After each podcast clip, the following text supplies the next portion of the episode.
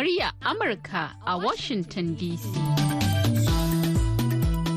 Masu sauraron mu Assalamu alaikum Shirin yau da gobe ne Shirin matasa ke zuwa muku daga nan sashen Hausa na murya Amurka a birnin Washington DC. A kan mitoci 25,31 da kuma 41. Ana kuma iya kama mu a birnin Yamai na Jamhuriyar Nijar a VOA Africa kan mita 200.5 zangon FM. Sai kuma wasu tashoshin na zangon FM a Jamhuriyar Nijar da suka hada da rediyo amfani da sarauniya da kuma niyya. A can kuma si ƙasar Ghana kuma za a iya kama mu ta Alfa Radio. Sannan za a iya jin mu yanar gizo a voahausa.com ko kuma sashen hausa.com. Ni Zahra Aminu Fage zan gabatar muku da shirin. A duk ranar Alhamis, shirin yau da gobe na magana ne akan batutuwan da suka shafi kiwon lafiya.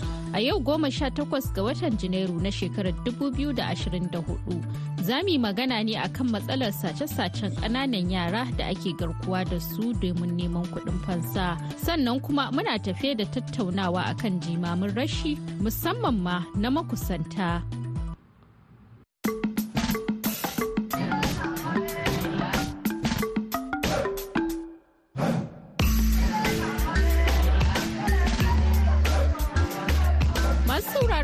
Cikin shirin namu na yau. Za mu kawo muku tattaunawa ta musamman akan matsalar sace-sacen ƙananan yara da ake garkuwa da su domin neman kuɗin fansa. Sannan kuma muna tafe da tattaunawa akan jimamin rashi. Sai a gyara zama a kasance tare da shirin yau da gobe.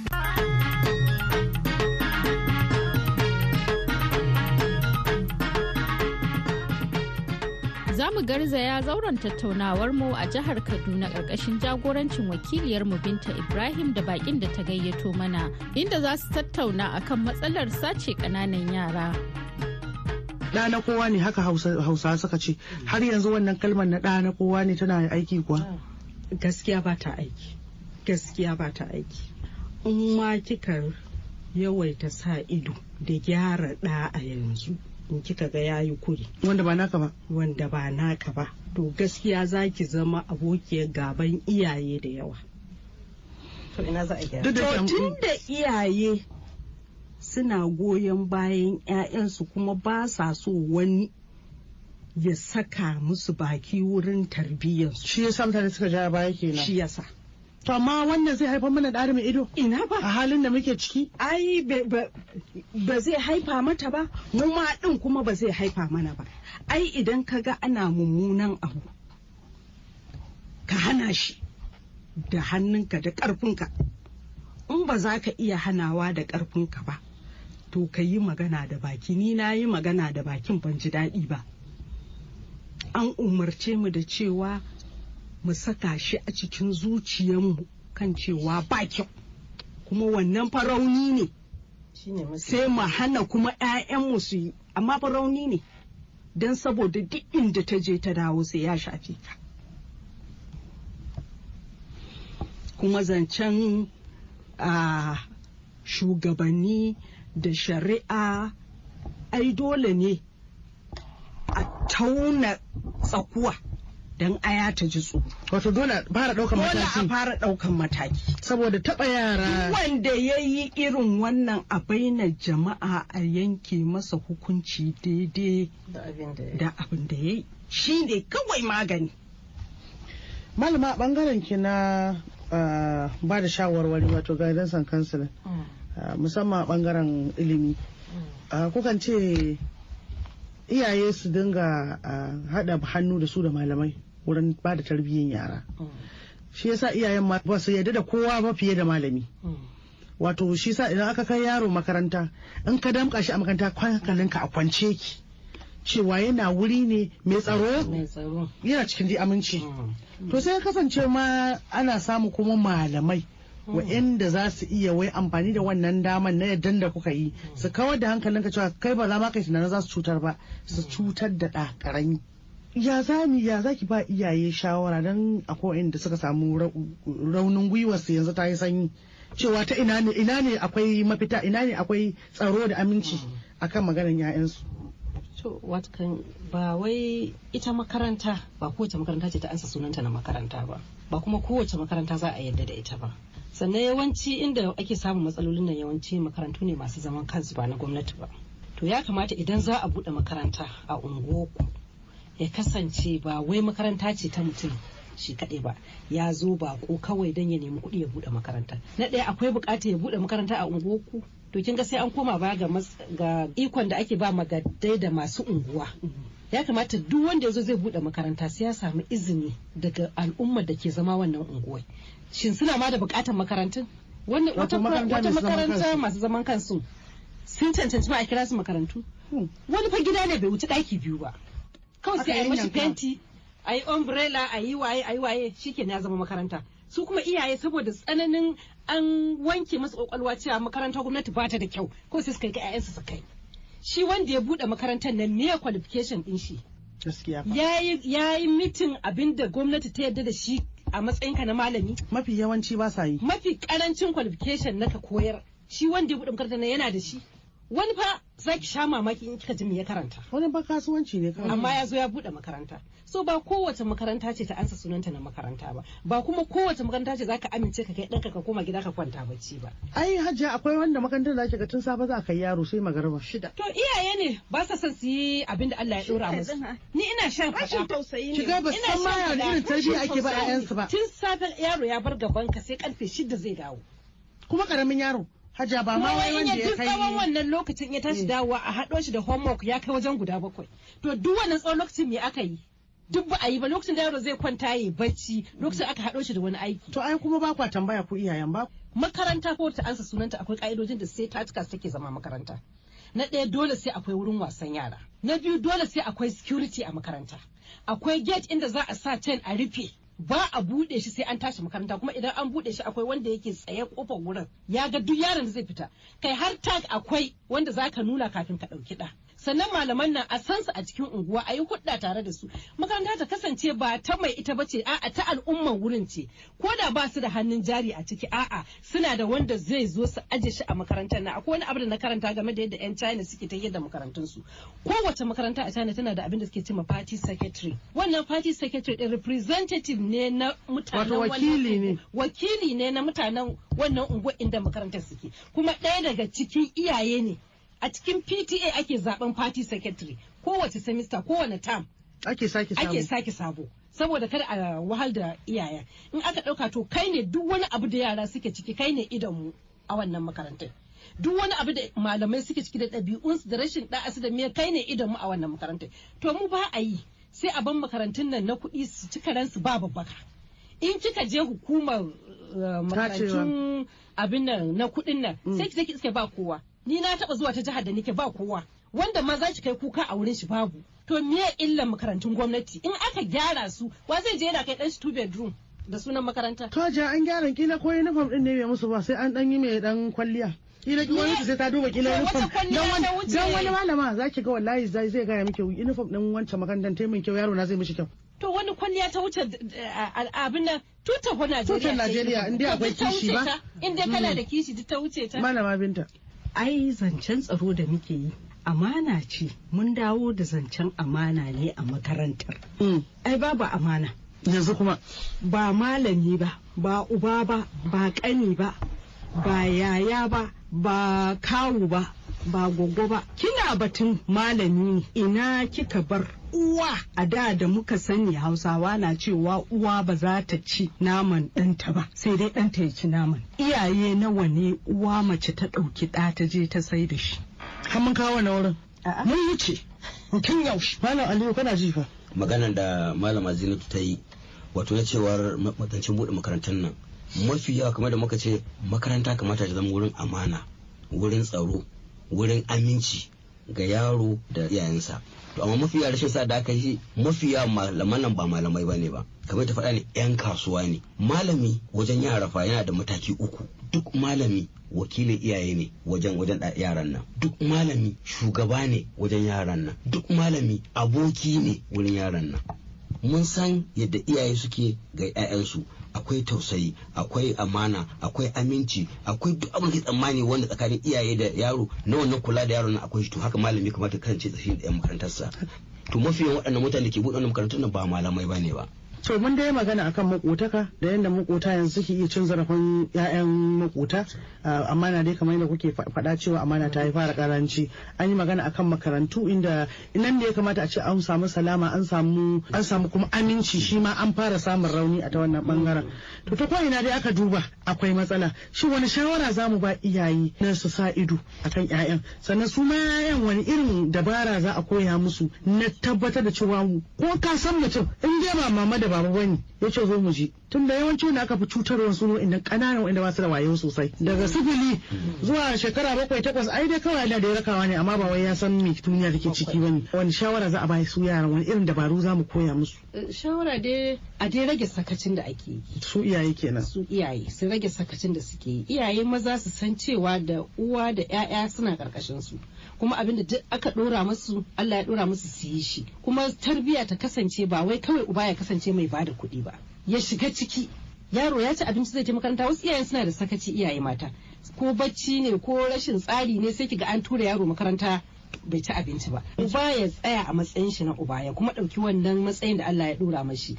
Ba wai kawai zai ba da kuɗi ba ne kullum iyaye maza suna mai da kansu kawai providers da an ce ana son kuɗin makaranta su ba da amma ba za su shiga cikin harkar makarantar ba. Ko iyayen da zaki ga mata ta tashi ta tura 'ya'yanta makaranta ba su yi kalaci ba. Ko suna ko tana sauri ko ta yi bacci ko dai wani abu. Wani kyale-kyale ko kyan uniform ko kuma dan ƙawata na wannan makaranta ko wani abu sai kawai shiga iyaye mata suna taimaka yara transfer. To uba ya tabbatar da ingancin makaranta kafin ya bari aka ƴaƴan shi makaranta. Ya je ya ga wake da makarantar nan ya alaka shi take da mutane. Danwa da danwa ke cikin wannan makarantai. Wannan makarantar take? Akwai ruwan sha a makaranta akwai toilet a makarantar ya kasance ba abin da zai hidda dan shi waje yana neman biyan buƙatar shi. Yana ɗaya daga cikin ka'idojin makaranta su kasance akwai abin da ake cewa child friendly schools. Makaranta ta kasance komi yaro ke buƙata akwai shi a cikin makaranta. Daga inda yaro ba inda zai zagaya ba ruwan sha ko kuma in aka yi tara sai ya hita waje. Yaro ya zama vulnerable wannan iya kama shi daga nan wurin. To dole sakacin nan a rage shi. Iyaye maza su sa ido kar su ban mata. Masu ungunni su sani waye ya zo ya buɗe makaranta a unguwarsu. Me ɗabi'a shi? Me aƙida shi? Ya take taken shi yake? Me sana'a shi? Da wa yake hudda so mutanen unguwa suna iya sa hannu su ce to ba ba mu yarda da kai ba kenan. Sai ma mutanen unguwa su ne ido ai. Su ne ido. Za su ya kamata su sa ido su ga me ke faruwa cikin unguwarsu. Abinda ba su yarda da shi ba ba su yarda da shi ba. Su nuna ba su yarda da shi ba dole za a gyara. Mafita guda ɗaya ce. Mu koma ga Allah. Duk sa idonmu idan ba mu tsaya inda aka tsayar da mu ba. To akwai matsala. Bin ka'ida bin ka'ida da addu'a. Duk maganar nan ba ban ji wanda ya taba gwamnati ba. Ba ta da wani rawa da za ta taka ni ai gwamnati mu ne gwamnati. To saboda haka idan kika ce gwamnati kuna zancen cewa ma an kama sai a ga an sake su. Su waye suke sakan su? Hukumar ce take sakan su. A zargin da kike ni da ke a to ta yaya ya fito? Ya fi ƙarfin su ne? Ta ai ba zan sani sun kulle shi a a cikin sel ne ya fita ta sama? Yanzu muke magana sai ka gan shi shekara ɗaya shekara biyu ya yi kisa amma ya fito. Ba wani abu. To kila ya gyara hali ne. Ya gyara hali ko? Mm. to amma ai a cikin dokanmu daga ta addini har ta ƙasa cewa aka yi wanda ya kashe a addini a kashe shi. A ta ƙasa kuma wanda ya kashe a tsare shi. To an fito da shi. Ina zancen doka yake? Ina zancen doka yake? Ya ji daɗi. Yanzu kamar mai cin makogwaro ɗin nan da hancin ciki an ce da shi sauran yaya kuke? Ya ce daddatsawa ke yi suke sayarwa. Ni da ke ba za mu iya siyan naman mutum ba. Cewa ya yi shi dan barandan fa dubu ɗari biyar yake ba su. Wato wani suka nemo mashi da Eh, dubu ɗari biyar. To shi kuma aikin san zai samu riba fiye da kin ga haka. haka dan injiniyoyin mu yan likitocin mu da za mu yi yan sojojin da za su tsara kasan duk an cinye mana su. To- kuma an gurɓata su kuma matasan An- da suke an gurɓata su, musu ƙwarai, ƙwarai. tarbiyyarsu da Haka. zuciyarsu duk ta lalace. Gaskiya ne. To zancen cewa gwamnati ma bata taso ba. Mu ne za mu Gwamnati gyara kenan. Sosai da sosai. Malam kai ma ka yadda mu za mu gyara ko? Gaskiya ba mu kadai ba.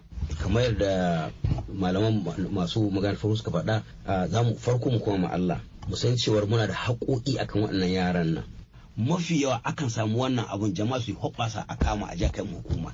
Marmakon a ce an ɗauki eh, mataki wanda wani baya zai gani zama izina gare shi ya daina sai ga cewar an ki saboda dan wani ne ko yana da wane ko yana da mai gida wane sai ka ce an take an danna wannan magana. Kai talaka ka shiga uku ba abin da za a yi maka. To wannan shine matsaloli. Da a ce mu iyaye mu- mu riƙe haƙoƙin da Allah dora mana akan matayenmu da 'ya'yanmu ita hukuma jama'an unguwanni su riƙe amana makwabtaka saboda addinai san muna da haƙƙi akan junanmu. In suka riƙe wannan amanan za a rage wannan abu. Sannan uku hukuma ta tabbata tana playing nata role tana yin abun da ya dace a kanta. Duk wanda aka kama aka tabbatar da laifin da ya yi a yanke su hukunci daidai da abun da ya yi.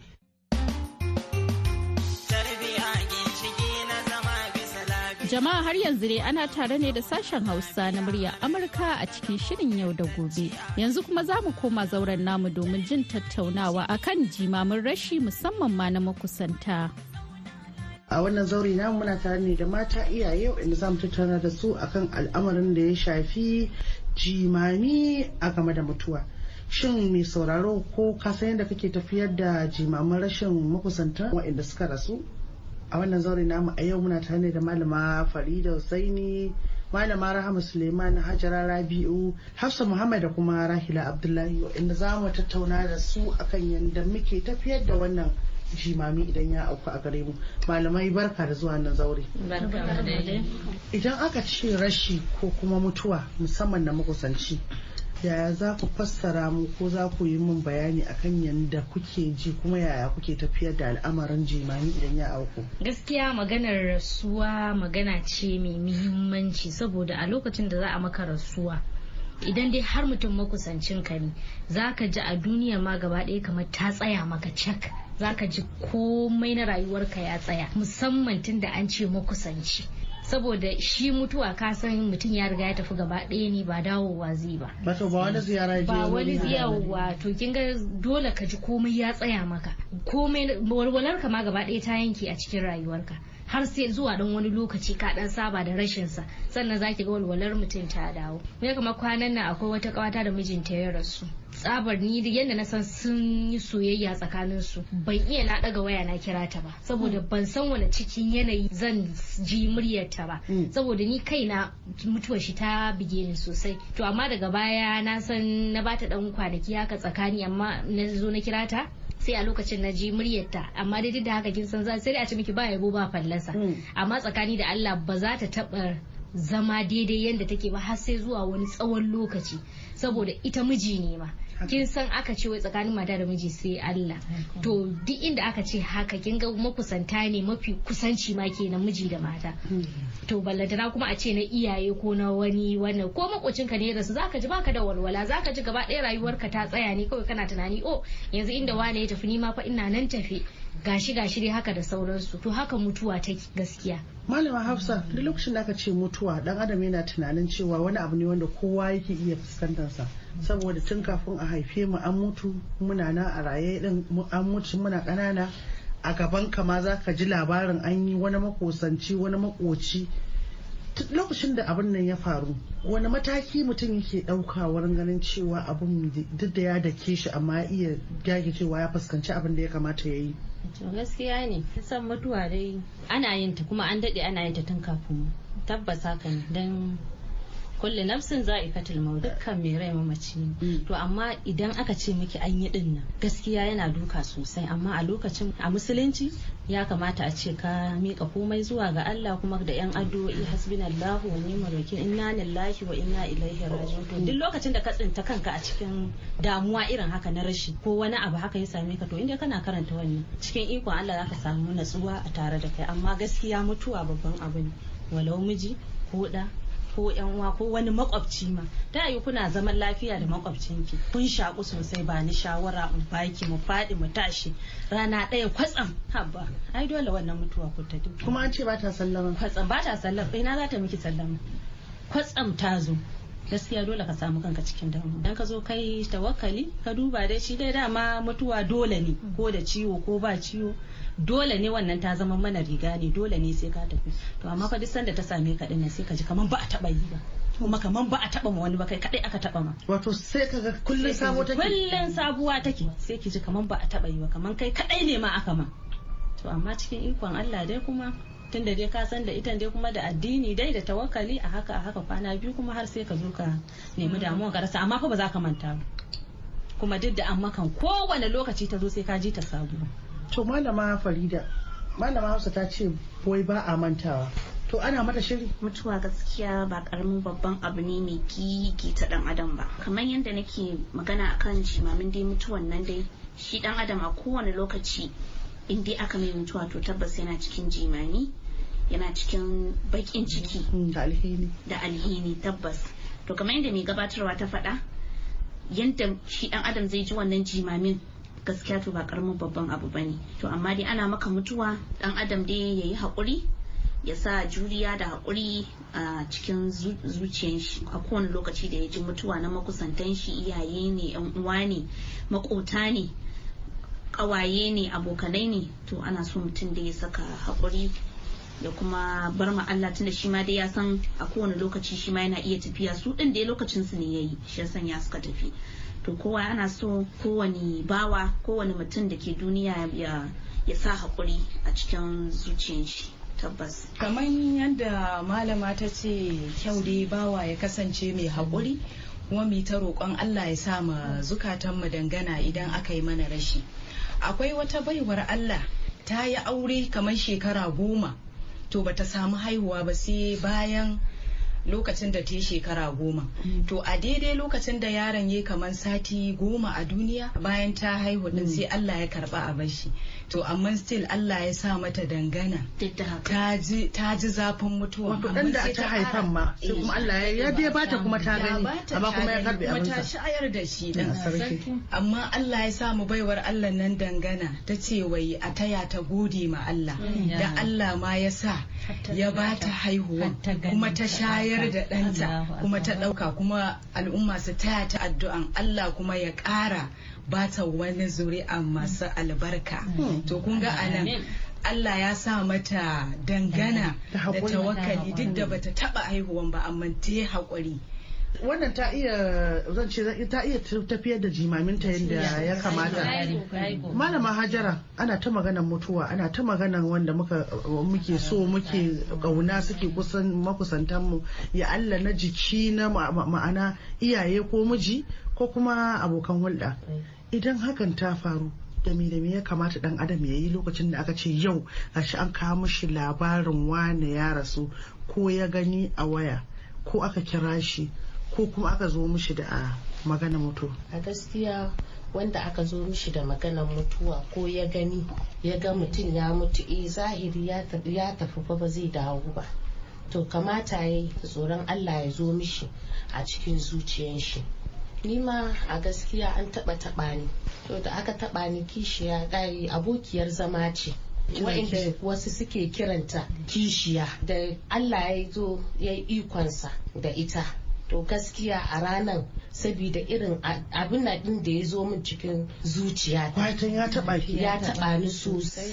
Da ita a kuna tub da taya yanda muke da ita gaskiya zaman yan uwantaka muke tare da- da ita. Saboda haka ta tafi ta bar min 'ya'ya a gaskiya sai bayan da ta tafi sannan na san eh lallai wannan da ta rasu sannan na ƙara fahimtar na yi babban rashi a tsakanin na da ita. Saboda yanzu in na- duba yaran gaskiya har yanzu abin na yana na yana min susa a cikin zuciyata. Sai dai in na gansu inna lillahi wa inna ilaihi raji'un. Kawai to sai in ji zuciyata tana dan yin sanyi a tare da a tare da ni. Gaskiya ne don an ce dama rashi kala-kala ne. To babban rashi kamar yadda malam bahaushe yake cewa shine mace rasa mijinta ko kuma 'ya'yansa rasa iyayensu ko kuma su iyayensa rasa ɗa. To Allah dai ya kara mana dangana. So eh, bayan idan abin ya riga ya faru akwai abubuwa da yawa da ya kamata a ce kila an sa ido a kansu wanda kila ga yanda ya kamata amma ga yanda ake yi yanzu. Shin a yanzu idan ko za ku haɗa akan yanda ya kamata a ce ana nuna jimami na rashi? Musamman na makusanta. Da abin da ake aikatawa yanzu idan an mutu shin daidai ne ko kuwa akwai wani saɓani da ka samu? To a gaskiya yanzu kin ga in aka yi mutuwa kusan zan iya cewa a kusan ko ina an ɗauki mutuwa kamar biki. Saboda yanzu idan mutum ya mutu yana mutuwar tunanin abin da za a dafa a bawa waɗanda za su zo yi maka gaisuwar mutuwar ake. Ba wai tunanin ya ma za a kai mamacin ba ba wai alhinin ma mutuwar ba. Kina nufin jimamin ma da cewa an rasa mutum ba shine ke kan gaba ba? yanzu wanda aka yi wa mutuwa kadai shi yake jin ji- shi yake jin ciwon mutuwa. Amma al'ummar da za su shigo maka da jin zarar arziki. wane ya rasu kawai tunaninsu wani abincin za mu dafa musallama al'ummar da za su zo? Sai kiga kafin ma idan kamar addinan duka guda biyu sai kiga kamar eh, me yake da suna? Kamar jira ake ma mutum ya tafi. To na ji an ce wani ma har adashin mutuwar su ƙwarai da gaske zaki ga wannan yana yin adashi na kayan abinci especially idan maybe sun ga kamar mutum ma yana kan ciwo.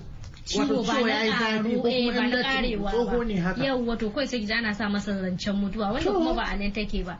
Mutuwa zaka ga ba babban ba ba yaro ba sai ki ga babban ma ya kara shekaru shi yaro ya tafi. To haka kawai sai ki ga an zo an fara adashi. Ni kaina na taba jin wani labarin adashin. Ana yin adashin kayan abinci da su mai da su irin har abubuwan sha lemuka haka kala kala. Eh. wanda ana jirawa da kan mutum ya mutu kawai ana so a tattaro wannan abubuwa a A fara nuna rabawa. gwaninta da a bajinta. nuna gwaninta har da su kaji ma. Kiga har da lemon gwangwani A da lemon kwali a jimamin mutuwar fa. Za ki ga an dafa ana bayarwa al'umma. To gaskiya ne. Kamar yadda take faɗi na akwai rasuwan da aka taɓa yi. To diyar matan da ta rasu sai tana ta kuka dai haka Mm. da aka yi rasuwa tana da aka Yawwa, sai wata mata ke ce mata ke ba zancen kuka ake yi ba yanzu. Ku fara hada abubuwan da za a dafa na mutane. Kuma Ah. Mm. kuma uwarta ce ta rasu. Wata ce ta rasu. Wata ke ce mata wai aiko ba zancen kuka ake wato kuka ya bai ganta ba ta ajiye shi a Mm. gefe in sun tafi. Yanzu ga mutane nan na zuwa ta fara shirin abin da za a girka. Abu ta kunya. Eh. Kuma an ce wa idan an tashi mayin girkin ba maganan kisan a da a al'ada kamar ban sani ba ko har yanzu ana yi idan aka yi rasuwa kamar ai makota ne da yan uwa suke daho abincin ma a kawo saboda wanda suke jimamin ana so a hutar da su duk wani abin da ya kama irin wannan hidimomin saboda a ce da su su ci gaba da alhinin su kuma kuna taya su kuna tausa saboda kamar haka addinan duka suka ce. To ai yanzu sanin da kika yi. To amma a yanzu a rayuwar nan wato da an ce miki mutum ya rasu to kake tunanin waya a makwabci zai ka na ɗakin ma da aka ajiye ma marayu shi ake ƙoƙarin a ɗauko wannan na gadon shi ma. eh. Shi ma dafe shi za a fara tunanin to yaya can an riga an kai an tafi a kai mamaci nan ana ƙoƙarin to me za a ci? Kila ba a karya da safe ba sai a fara tunanin a hada ti ne. Inda rana ne sai ki ji an fara neman abincin da za a ci. Ba fa za a jira a kawo. Wancan wanda kike tunani da makwabta ke kawowa Eh. domin a tausaya ma waɗannan Eh, da abin wanda ya aka ba a yanzu ba haka ba ne. Kina cikin ɗaki ke da aka marasuwa za a riga kawo kaza. Kawo kaza a dora kawo kaza. Kamar inda kawo da wani- eh aje a siyo magi aje a siyo mai aje a siyo kaza. Ba ƙarshen ta ma ba ki da shi a cikin ɗaki ke kanki ke ma na babu wanda aka ma rasuwan. A daidai lokacin ai baka cikin hayyacin ka baka ina cikin kwanciyar to a hankali. lokacin zaki ji an fara cewa kawo kawo ana ƙoƙarin tora dora tukunya. To kafin mu karkare shirin namu bari mu sa muku wannan. Yau da gobe. A cikin sabon shirin yau da gobe da zai zo muku a wannan shekarar. Shirin ya zo da sabbin shirye-shirye da zai daɗaɗa muku ya ilmantar da ku ya kuma nishaɗantar da ku. Inda shirin zai leƙa ya ga wainar da ake toyawa a rayuwar matasa maza da mata, kama daga zamantakewarsu, ilimi, siyasa, lafiya, al'adu, hirarraki da waɗanda suka taka rawar a zo a gani wajen ci gaban al'umma. Kana za mu taɓo masu kayan ƙwalama da mawaƙanmu na cikin gida da na waje da dai sauransu. A duk ranar Litinin shirin zai leƙa Najeriya tare da wakiliyar Rukayya Basha. sai kuma ranar Talata shirin daga Ghana tare da wakiliyarmu Hawa Abdulkarim a nan birnin Accra, Ghana. Sannan a ranar Laraba kuma za mu kai ziyara Nijar tare da wakiliyarmu Tamar Abari. A duk ranar Alhamis kuma za mu je Kamaru tare da Maimunu Sado. Baya ga haka a ranar Juma'a za mu sake komawa Najeriya tare da wakiliyarmu Binta Ibrahim daga Kaduna, Najeriya. Kasance tare da sashen Hausa na murya Amurka ƙarfe huɗu da rabi agogon Najeriya, Nijar, Kamaru da Chadi. Wato ƙarfe uku da rabi kenan agogon Ghana. Da haka kuma muka kawo ƙarshen wannan shirin namu a wannan lokaci. A madadin waɗanda kuka ji muryoyinsu musamman ma wakiliyarmu Binta Ibrahim da wadda ta daidaita mana sauti kuma ta haɗa shirin baki ɗayansa wato Julie Leathers Gresham da dukkanin abokanan aiki da suka ba da gudunmawa a cikin wannan shirin. Ni Zahra Aminu Fage daga nan birnin Washington DC nake sallama.